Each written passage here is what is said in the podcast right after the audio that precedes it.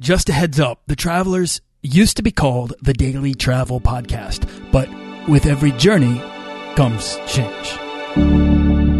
This podcast is produced by Holocene, a community of creative travelers. If you want to get serious about planning that next trip, writing that book, starting that creative project, or launching that business, we're breaking down the barriers between where you are where you want to be together at joinholocene.com. That's join, H O L O C E N E.com.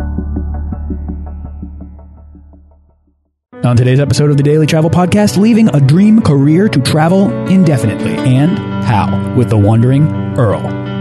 Do you want to travel further and more often to visit new places and meet new people and expand the role that travel plays in your life? I'm your guide, Nathaniel Boyle, an explorer that wants to help you get out, see the world, and find meaningful, life changing experiences. Everyone wants to be adventurous and have great stories, to do the stuff of legend. This is the Daily Travel Podcast. Traveling can be lonely. I remember sitting in Christchurch, New Zealand, where I was a bartender for a while, and one day thinking, I need to leave this city just so I can find new people to meet. Tripping.com is a network of travelers interested in cultural exchange. It's good for meeting locals, other travelers, other cultures, and experiencing the complexity of the world outside of your hotel or even at home. You know, when you miss the road, miss meeting other travelers. So check out tripping.com, which is today's free travel resource. And all of the resources mentioned on this show can be found at dailytravelpodcast.com slash resources. I curate them from personal experience and the recommendations of all my guests who are amazing world travelers and industry experts. So whatever it is you need help with, there's a good chance there's something there that's got you covered. Okay, in 1999, Earl Baron graduated college and took what was supposed to be a three month trip to Asia. And today, that trip has yet to end, and he's been to 87 countries and on six continents, using his ingenuity to afford to keep on the road and gain an online following through his blog, The Wandering Earl, where he writes to help people learn how they can do the same while championing a new breed of explorer, which I think is really cool. Uh, I really wanted to have Earl on the show because of his message about travel, choosing to live an adventurous life of travel and not letting anything be an excuse, whether it's money, fear, difficulty, or the status quo. So, uh, you know, all the things that stop us from living a life of travel and choosing adventure. I also kind of wanted to frame this interview with the fact that Earl and I are both from the Boston area and we both kind of escaped the nine to five to travel. And the difference is I came back and he never did. And I, and I really kind of just want to pick his brain to be like, well, wait a minute. Well, what happened? Why didn't I stay out there? And I, you know, it's a difference of personality, but I hope we can get into that. So anyways, Earl Baron, welcome to the show. Well, thank you very much. Appreciate you uh, having me. Uh, where where are you right now? Uh, I'm actually in Delhi, India at the moment. Delhi, India. Yeah, it, it yes. sounds like you are somewhere with uh, a bit of an echo and a you know tough Wi-Fi background. Yeah, that would be that would uh, that would be about right. I'm actually surprised I found a connection this good at the moment, but uh, it's the strongest I've found in a while. So hopefully it'll uh, hopefully it'll hold up. Yeah, hopefully. Otherwise, we'll just have to do some creative editing. Okay, so I've given a general overview, but I want you to tell us about yourself, who you are, and how you got started traveling. Sure. Um, I mean, basically, um, yeah, I grew up in the in the U.S. Uh, just outside of Boston. Um, pretty much had a pretty normal uh, idea of what I wanted to do. I went to university, studied uh, sort of a sports management business degree with the idea of being a, a sports agent, and um, yeah, I don't know. I just had this idea uh, when I graduated from university that I wanted to uh, do a little bit of traveling and uh, just sort of a graduation gift to myself. I decided I would go to Southeast Asia for a few months, come on back home and, uh, and get right into the career. But uh, yeah, oddly enough, that uh, that trip has sort of kept on going now for about 14 plus years. So it's just sort of everything changed during the first couple of weeks of my of my initial trip, and I just decided I want to travel indefinitely. So I've sort of been piecing that lifestyle together over the years, um, and through a variety of methods. And right now, I, am uh, generally focused mainly on my travel blog and sort of projects related to that uh, to keep me going. And uh, yeah, sort of still still traveling strong and uh, still loving uh, every minute of it. So uh, that's sort of the, the general over, overview, I guess, of how I ended up doing doing this. All right, so I'm from Boston. I get that. A lot of my yep. friends, including myself, you know, we get out of school and university leads us to a job. I mean, it's, it's what we pay all the money for. It's what we study for. Was there something kind of more at work here inside of you? Who was the person that decided that you know before I take a job, I'm gonna. But you know, which which sounds like it was a bit of a dream for you, being a sports agent, right? So before Yeah, you pursued that dream, you decided to go and take travel. Was there, Yeah. since you fell so deeply in love with travel right off the bat, was there something that more in play with inside of yourself?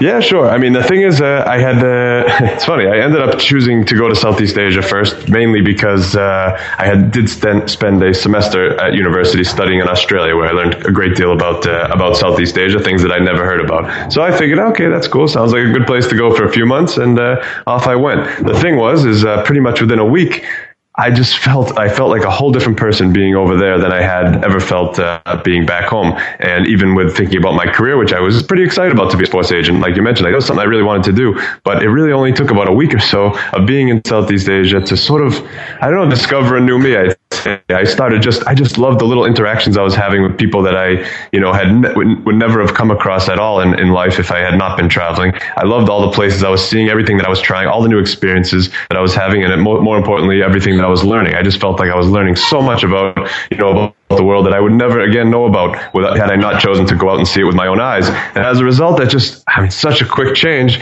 I just realized, you know what, how can I, how can I do this for a few months and have all these benefits and really get this in, perspective on life and the world and then turn around and go back home uh, to a career where I won't probably have it as intensely as that. And that, that pretty much that thought alone just, it triggered something. And I said to myself, I, I think I need to find a way to travel indefinitely. And that's, uh, I had no idea if it was possible or if I would do it, but that's, that was the idea at the time. And, and so far, so far it's uh, it worked. You know that that's really cool because some people, you know, they, they hit the road and they don't really realize that, that they're going to stay on the road for an extended period of time right off the bat. But it sounds like, I mean, within a week, that's a fast transformation for you to to almost find something that end, ends up becoming a lifelong passion for you. And it sounds like it was really the new experiences. It was almost as if you were looking for those new experiences all along, and then once you started having them, you couldn't you couldn't stop. You couldn't look at routine as an alternative. Sure thing. I mean, that's the thing. And, and it really just came down to, I remember I was actually celebrating the millennium uh, Angkor Wat in Cambodia. And I was sitting on a stone wall, you know, surrounding the main, main Angkor Wat temple. And I'm just sitting around. I mean, I can picture it so clearly, even though it was 14 years ago. Picture just sitting there looking around, feeling happier than I'd ever, ever felt, even though I knew nobody around me whatsoever. But just, you know, people, you know, sharing their food with me, coming up to me, we're dancing together and all these things. And it really just, uh, I mean, all these little little aspects of life that I never experienced before just just all kind of came together and just boom, it was sort of just an explosion inside that basically showed me I got to go in a different direction. I, you know, the career sounds great. That was what I was excited about, but that was what I was excited about before I knew what was out here. And now that I know what's out here, there's no going back. That's great. So that was really the time in which you knew you would never stop traveling. Exactly. Know, you mentioned that you didn't know anybody at the time, and I mean, you were kind of in a in a position where all these new things were happening to you. You were constantly meeting new people, experiencing brand new things. How does loneliness not play into that factor? How do you get over the fact that you know travel can often be lonely, especially when you're first getting started? Yeah, absolutely. I mean, it is. It, it can be lonely. I think uh, in the beginning for me, it was the sort of the excitement of meeting new people, the excitement of the experiences, the excitement of the new education that kept me going. And I say, okay, at times I'm lonely, but that's okay. I'm going to keep on going anyway. Um, and I just it's just too exciting. I can't stop, so that's fine. But yeah, as time goes on, you do start to feel that loneliness a little more. However, I think it just comes down to sort of stopping for a minute, knowing who you are, and, and taking a moment to sort of think about your travels, think about what your goals are, think about what uh, you know what you're trying to gain from your travel experiences, and you sort of adjust your lifestyle accordingly. So I, the way I travel is completely different than now than what it was uh, when I first started, and the reason is because I do look at things like, oh, you know, and I've been traveling for a while, and now I maybe feel a little bit lo- more lonely, or I, or I rather be around people sort of friends. So I stay in one place for a longer period of time where I can actually meet people. I can actually get into a social circle and I can really actually have that kind of an aspect still, still while despite the fact that I'm, I'm traveling. So, you know, it constantly evolves based on, on, uh, you know, on my goals at the time. And uh, I think if you're, if you stay open to that and realize that travel is not just one way, you don't just throw in a backpack or grab a suitcase and just off you go. There's, there's a million ways that you can travel and um, you just need to find the way that's best for you that, uh, and if you start to feel lonely, you find a way of traveling that uh, you know that allows you to sort of have friends and to and to have a social circle and to really get into you know meeting people and, and actually learning much more about them than just in passing. You know, I think that's great. And, and I, I, one takeaway I want to pull out from what you just said is you, you were talking about letting your goals, you know, like your travel goals or your life goals, determine your next step and your next journey, and you're not mentioning cost. You're not mentioning the like one of the most perceived inhibitive challenges of traveling is the money side of it. But how could you afford to maintain travel as a student, you know, out of college that hadn't worked, that hadn't saved up money? Uh, I'm, I'm actually jumping to that conclusion. Had you? Yeah, and yeah. how did you keep going? Sure. I mean, yeah, you're right. I mean, I actually saved up. I had fifteen hundred dollars to spend for my three month trip to Southeast Asia. That was pretty much all I had. Um, I had the return ticket home already, so that was it. And um, yeah, I mean, the thing is, that was the thing when I decided to travel indefinitely. I realized, okay, I have no idea how to do this. And then, you know, at that time, 15, 14 years ago, so you know, that you couldn't just jump online and find examples of you know other people who were doing it and sort of learn immediately. So I I just decided to try and meet as many people as I could and kind of assuming that I would find some people who were traveling long term and try to discover how they were doing it. And that's sort of all the opportunities that have come my way um, were from just, you know, networking, networking, I guess, or just meeting as many people as I could while I'm traveling, learning about how they've managed to do things, things that they know about. And the point is with the, with the money is that there are millions of ways to make money out there um, and traveling. Whether you want to make, you know, especially enough to just to survive and to continue traveling, and there's even ways to make more money and save money and, and actually, you know, uh, build a uh, build a life just as many people do back home when they get a job. Um, I think the hardest part is that you generally that sounds great, but you generally most people have a hard time actually accepting that fact until you actually get out there and travel because there's so many opportunities, but most of those opportunities you won't actually uh, stumble upon until you actually start traveling. It's very hard to envision now from sitting at home, for example, for someone sitting at home who hasn't traveled, all the different opportunities that are out there that do exist to earn some money. And I think, again, I always, that's why I always stress, you know, as many people do, you got to take that first step because really once you get out there and you start to meet new people and you start to see how others are surviving on the road, then you really very quickly realize that there are plenty of opportunities to piece together um, this kind of lifestyle without without having to spend much money and being able to earn money as well. Yeah, can you give us some examples of the ways that you've made money? Sure. I mean, uh, basically, when I, so when I started, I mean, might sound foolish now, but because a lot of people know about this opportunity, but back then I had no idea that people were teaching English in Asia. I had no idea that native speakers were in demand. So, um, I met some people who were doing it. They gave me an idea and I actually went off and, and I sort of created my own, uh, English. I didn't have any teaching background. So, uh, with a friend, I filled, uh, we bought some paper and some markers, wrote a sign saying native English speakers willing to teach English. Um, this was our rate and we just posted it around a big university in Chiang Mai, Thailand and just see what happened. And we had about over 100 calls in the first week and we set up informal classes sort of in a, in the park or in uh, actually there was a Dunkin' Donuts there. We used the Dunkin' Donuts to, to hold our classes, and we just and we created this whole thing, and it was great. And we had lots of students, and uh, and it was perfect. So we were making some money through that. And then um, well, actually, while I was in Thailand, I met another traveler who told me about uh, working on cruise ships.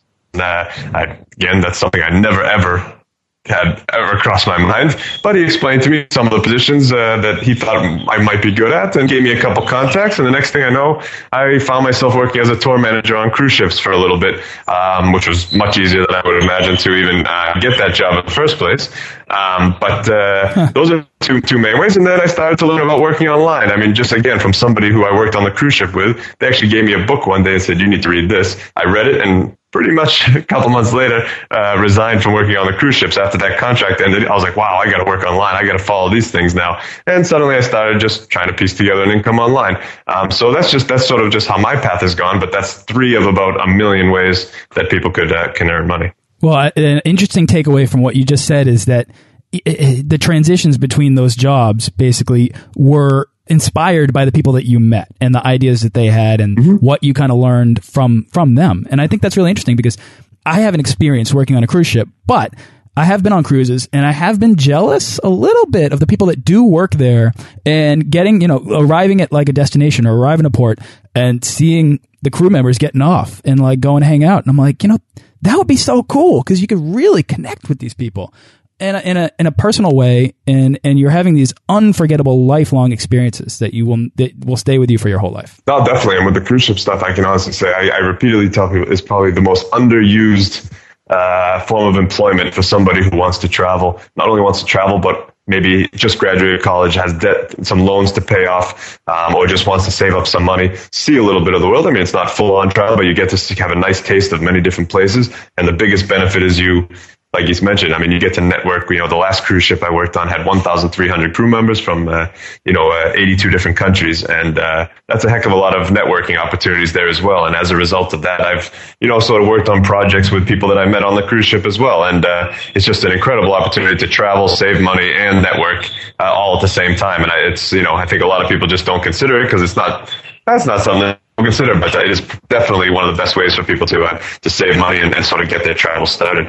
Now, if I'm not mistaken, I think you have an ebook about this, right? I do. Um, yeah, that's that's one of the reasons I think why a lot of people don't uh, don't actually use that form of employment. It's because it's pretty difficult to figure out how to apply. It's not at all like applying for a job on land uh, a, normal, more normal job. And uh, it's a pretty tricky process. There's a lot of sort of scams out there that try to get you to sign up with agencies and things like that. So, you know, I did since my, my blog sort of does talk about, you know, this topic of how you, ways that you can uh, travel and earn money that I, I basically put together a guide with uh, called How to Work on a Cruise Ship that's the exact step-by-step instructions to pretty much apply for any any position on board, like uh, the 18 major cruise lines, and it's just direct links, no no no nonsense uh, information that just takes you through the entire process. Earl, I love the way you talk about this stuff because you make it seem so normal. You know, it's like the way you're talking about it, it's so casual, but these are like huge life decisions and, and you're, you're living so far outside of the status quo and outside of kind of, uh, the way you're supposed to live your life according to society. And it's just, it's cool to hear you talk about it like, like it's old hat. Yeah, no, I mean, the thing is, I mean, I do feel fortunate that that sort of has become my normal lifestyle. At the same time, I also realize, you know, I, I also want others to understand that it is, yes, it, um, it definitely can seem scary. It can seem like an absolute major change or something so wild and crazy that it's really hard to fathom actually achieving such a goal. But I, I, I like to present it in sort of more of a matter of fact, down to earth way because I just want people to realize that it is in the end, it's not so wild if you can take that first step. If you can just kind of gain the confidence to just take that first step and, and give it a try, pretty much people, everybody that I talk to that it does manage to do that discovers very quickly that it's actually not so crazy and that things work out quite well uh, once you can take that first step. So I do want people to realize that it's you know it's not as crazy as they think, and you know anybody can pretty much. I didn't like I said, you know, the things that I've done for work those aren't anything special that I that I I don't have any specific background or history or experience that led to that. I mean, almost anybody followed the, the same path, so I didn't do anything special, and uh, I just want people to know that it, you know, pretty much anybody can get out there and, and, and do the same. No, I think that's a great takeaway. And I think anybody that is interested in kind of taking that first step and is, is kind of looking at everything that you've done and everything that, you know, maybe Southeast Asia is too drastic. Maybe they don't need to have that kind of aha moment sitting uh, at Angkor Wat. And maybe they, you know, just need to take a simple step to get their passport and go to Canada or go to London or go, you know, or, or, or go to the next country over that's, that's easiest for them relative to where they are, if whether they're American or not. I don't know. But I want to talk about somewhere that could conceivably really change someone's view on travel and what's possible or accessible in travel. Um, and I want to talk about a place that's special to you that you actually lead tours to, and that's uh, Iraqi Kurdistan. Why Iraqi Kurdistan? Are you making it difficult on yourself by selling tours to somewhere that you that might seem obscure to most travelers? I mean, uh, that's the thing. I mean, first, the net tour sells out faster than anyone, any of the other ones. Oh, really? Um, I think, you know, oh, yeah, yeah. I mean, it, that's the thing. I think, uh, also, you know, people read what I've uh, written about, about the region and then realize that, you know, and some people have heard about it and, and sort of, they, they feel much more confident than they might have before. But I mean, this region is, is a great example of, of, of why I travel. You know, one of the main reasons I travel is to show that, you know, much of the information we think we know about the world is is just not correct, and you know a lot of a lot of misunderstandings out there, and a lot of these misunderstandings lead to you know on a greater scale to you know to hatred, to, to war, to all these things, and, and I'm a firm believer that these are all problems that are um, the core you know issue is misunderstandings. I mean, if you actually go out and, and meet the people that you think you don't like or think you go to the places that you think are absolutely dangerous and crazy, that you kind of discover that it's really not that way. And that's sort of why I travel to sort of many of these kind of places. Um, with Iraqi Kurdistan, for example, you know, people just hear the word Iraq, it's in Iraqi Kurdistan, and immediately, obviously, almost all of us have an immediate image, and whatever the image is, chances are you're not going to think of it as a travel destination. That's for sure. Um, However, you know, I did my research. I, I you know, I, I, read up on it. I knew that you could go there to this region. It's a semi-autonomous region in the north part of Iraq. Um, where it's sort of the Kurdish population lives.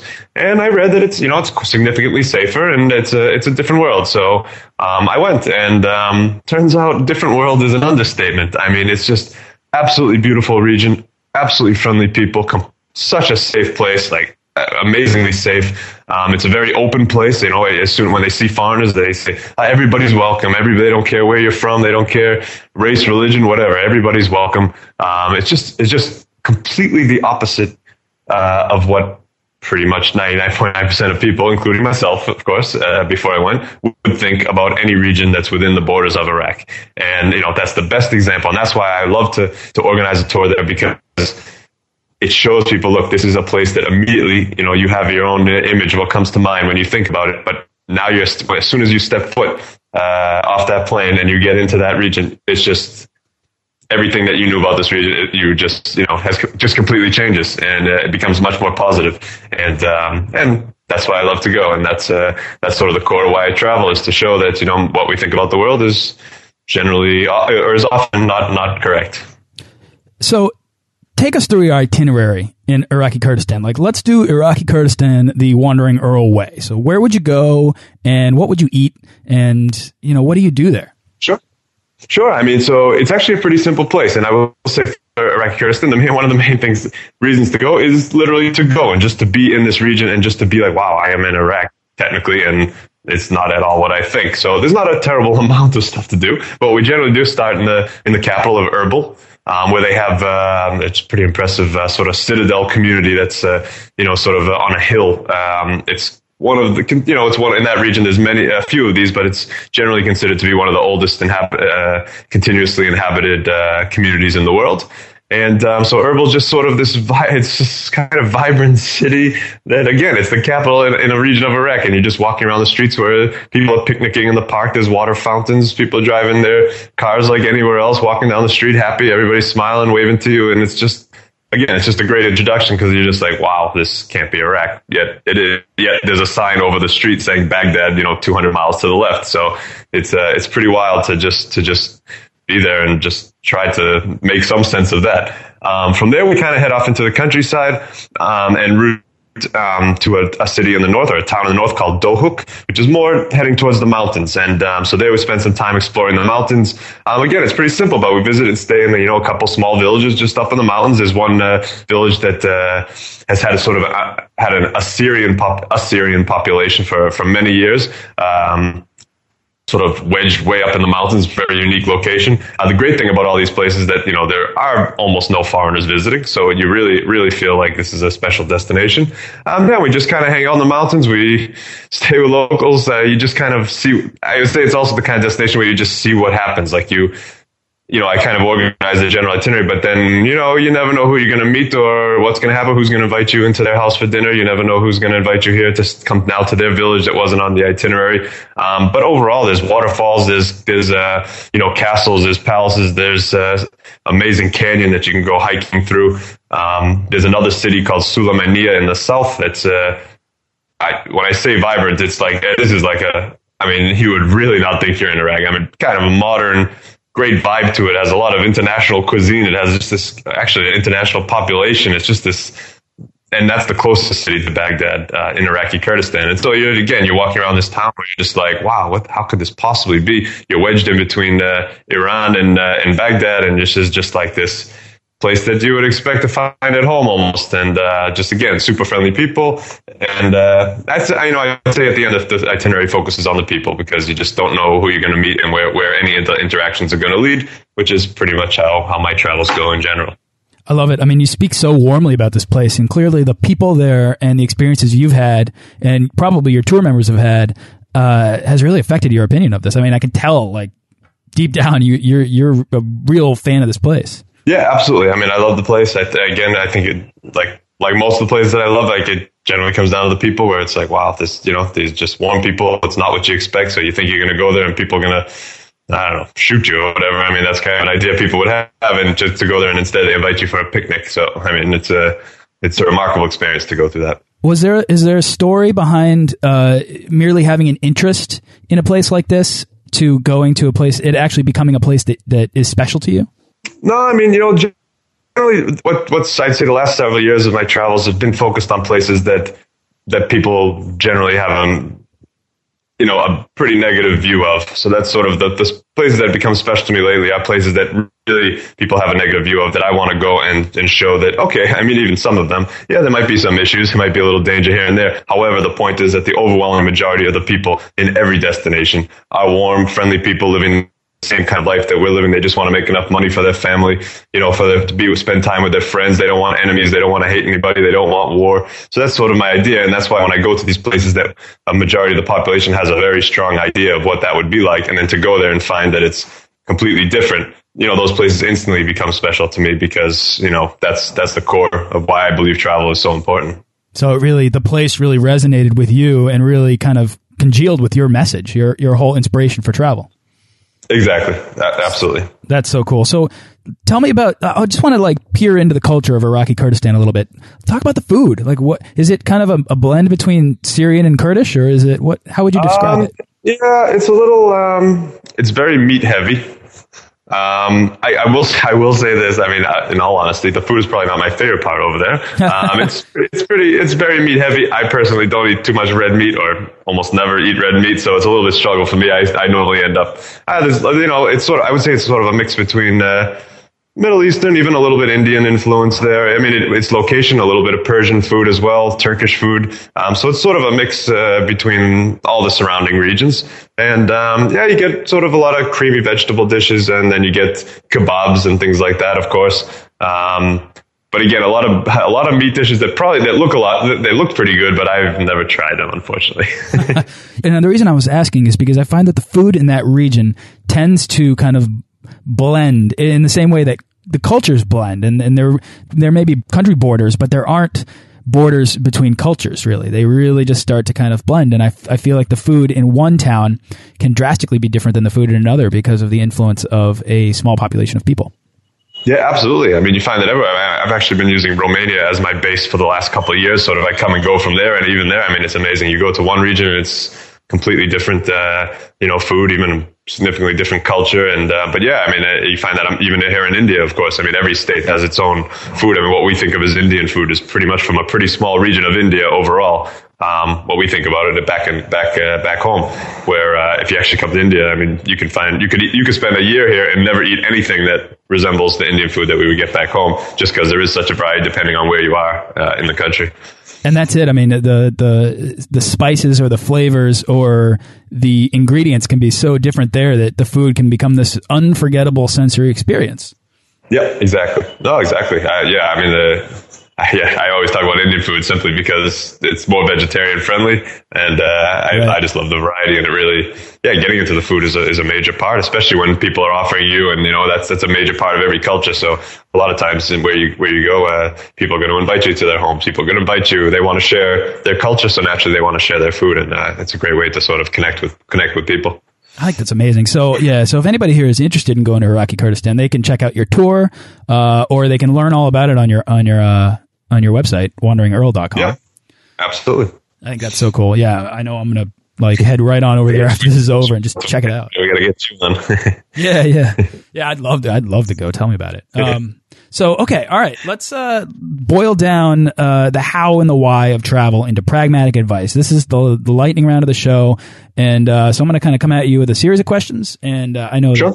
you're going to you you've probably answered all these questions a thousand times because you're a pro. all right, here we go. So send them my way. Send them my way. All right, here they come. All right, so I think you already answered this question before, but I'm going to ask it again. For a lot of people, taking that first step out of the door can be the hardest part of travel. So, what's your advice for anyone learning or dreaming to take that first step to becoming a world traveler?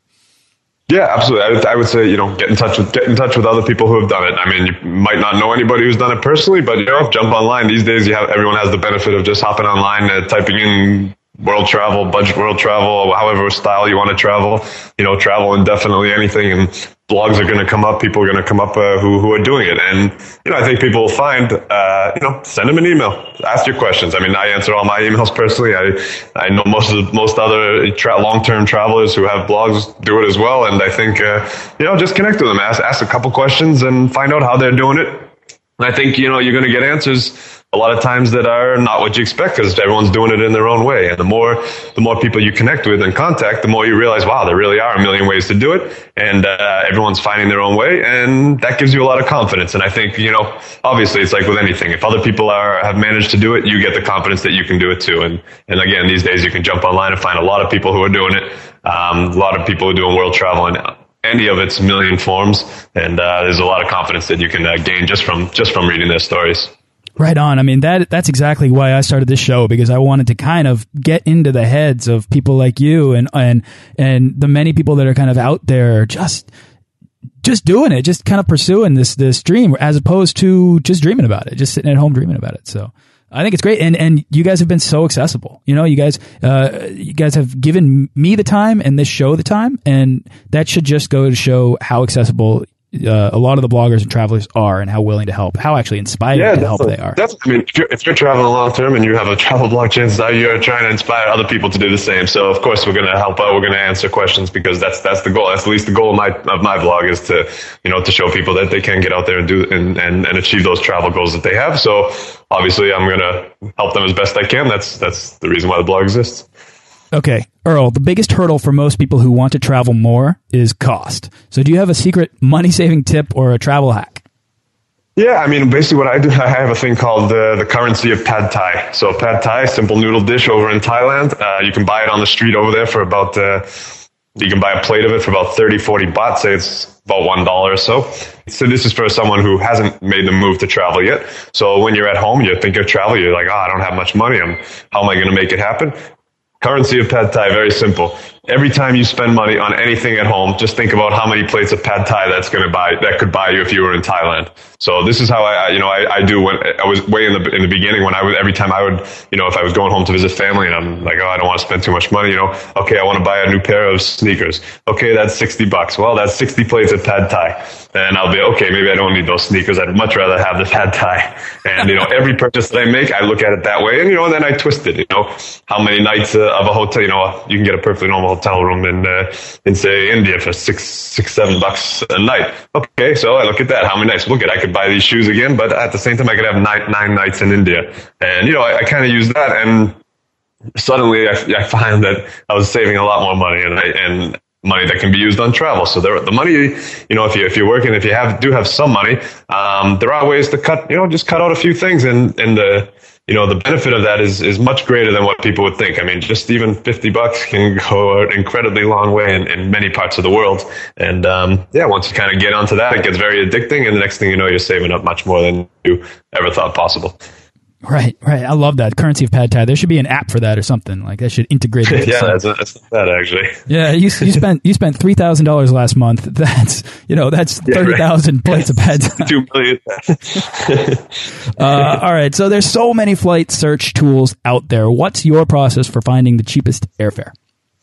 Yeah, sure. I mean, I basically, you know, I just I jump on about. I, I don't go too crazy about it because uh, I think the, the key is flexibility, less than the site that I that I use. So, um, yep. if you're flexible with your dates, if you're flexible with your with your destination, even you know you're going to Southeast Asia, you're trying to get a flight to Bangkok. Well, maybe you find a flight to Vietnam that's uh, you know four hundred dollars less, and you can go there first instead of Thailand and then uh, basically once I sort of kind of understand my flexibility uh, and what I what I can manage, then uh, yeah, I jump on about four or five sites. You know, I do kayak, I go on Expedia, I check out um, Hipmunk, just all of them, anyone that comes to mind, and just kind of get an idea of uh, of you know who's sort of offering the cheapest fares, and then you know which which you can read, and then a lot of people then I'll, a lot of people say the same. Go directly to the airline's website and kind of see what they're offering directly. Um, you know, fares are all over the place. There's sort of you know, it's there's no no real uh, organization to them. So you know, you, again, if you're flexible and you punch in different dates and a bunch of different websites, eventually you're going to find you're going to find a fare that's in your budget to a destination that's uh, that's somewhere that you do want to go. So that's, that's generally what I do, and that's that's worked for 14 years. so like, like, set a goal, be flexible, and never give up. Yeah, exactly. Exactly. Keep changing. I mean, yeah. I mean, that's the thing. I mean, obviously, if you're trying to go in next week, it's going to be a little bit more difficult. But if you're planning a little bit in advance, then obviously you have some time to just check every day, see what's going on, and uh, yeah, and then eventually you're going to find that perfect fare. Uh, do you have a favorite internet travel tool or resource? Um, it's funny to say. To be perfectly honest, no, I actually don't use almost. I don't use many. Um, I actually, Yeah, I don't. I don't use many. I just. Uh, no, I prefer that you can do all that pretty much without the app. I mean, nothing against them. They're great tools and they're all great stuff, and it does make things easier. But um, I, I just, I just kind of like to show up in a place and have some very basic information and knowledge about what to expect, and just kind of just start talking to people and see how it goes. So as a result, I personally just don't don't use too many travel tools. No, I got it. I mean, the less the less you know, the more there is to explore, and obviously you are an explorer and not a not even just a traveler. I mean, you are setting out setting yourself up to explore the places you go and take a deep dive into them. Yeah, and I think you know, and I think the great for me, even almost it doesn't even matter the destination for me. It's just you know, you can go anywhere. There's people, new people to meet. There's new experiences to have, and uh, all these great things. And I think as a result, you know.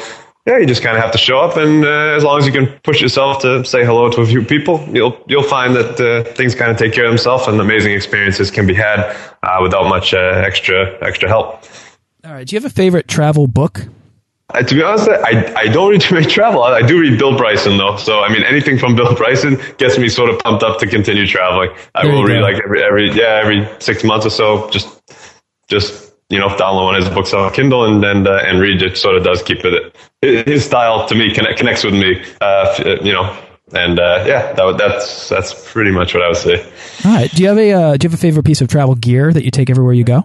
First, the first thing I take everywhere I go is incense. I have this weird thing where I have my oh, favorite wow. incense and I take it where, because for some reason, for a traveling lifestyle, you know, you're constantly moving. You're in different places all the time. So obviously you're unpacking, you're packing, you're in a different room, a guest house room, a hostel room, a hotel room, who knows where you are. And obviously it's, you have no sense of home. So for some reason I got into this thing. I have my favorite incense I take with me and I, light in every room. So there's sort of some consistency in every place I stay that sort of gives me some probably fake feeling of you know of home. There's some consistency there that uh, that uh, I can hold on to. Apart from that, um, I, what's the other thing that I take? I, I do take a uh, I solar powered flashlight is the same solar powered flashlight that I've been using for 14 years. Oh, That's wow. the only other thing that I've been taking uh, all that. Um, however, honestly, again, I mean, it sounds all pretty basic, but uh, I carry just about eight, eight and a half kilos worth of stuff. That's about it. So there's not too much, uh, there's not too much even gear that I take. I mean, I, am really onto the sort of the simplistic, uh, you know, uh, mode of things. Just where, for me, it's just for me personally. Again, it's nothing yeah. against any piece of travel gear or anything like that. Of course, just my style just tends to be more of. Uh, I just find that I don't need too many extra stuff, and I get by quite well. No, it keeps you light on your feet and allows you to yeah. be as flexible as you can, and obviously that's yeah. important to you. Yep, absolutely. All right.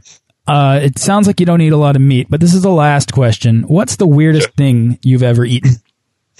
Uh, well, uh, interesting enough, it is sort of a meat dish. Uh, I I did try uh, fried rat in uh, in Laos. Fried rat.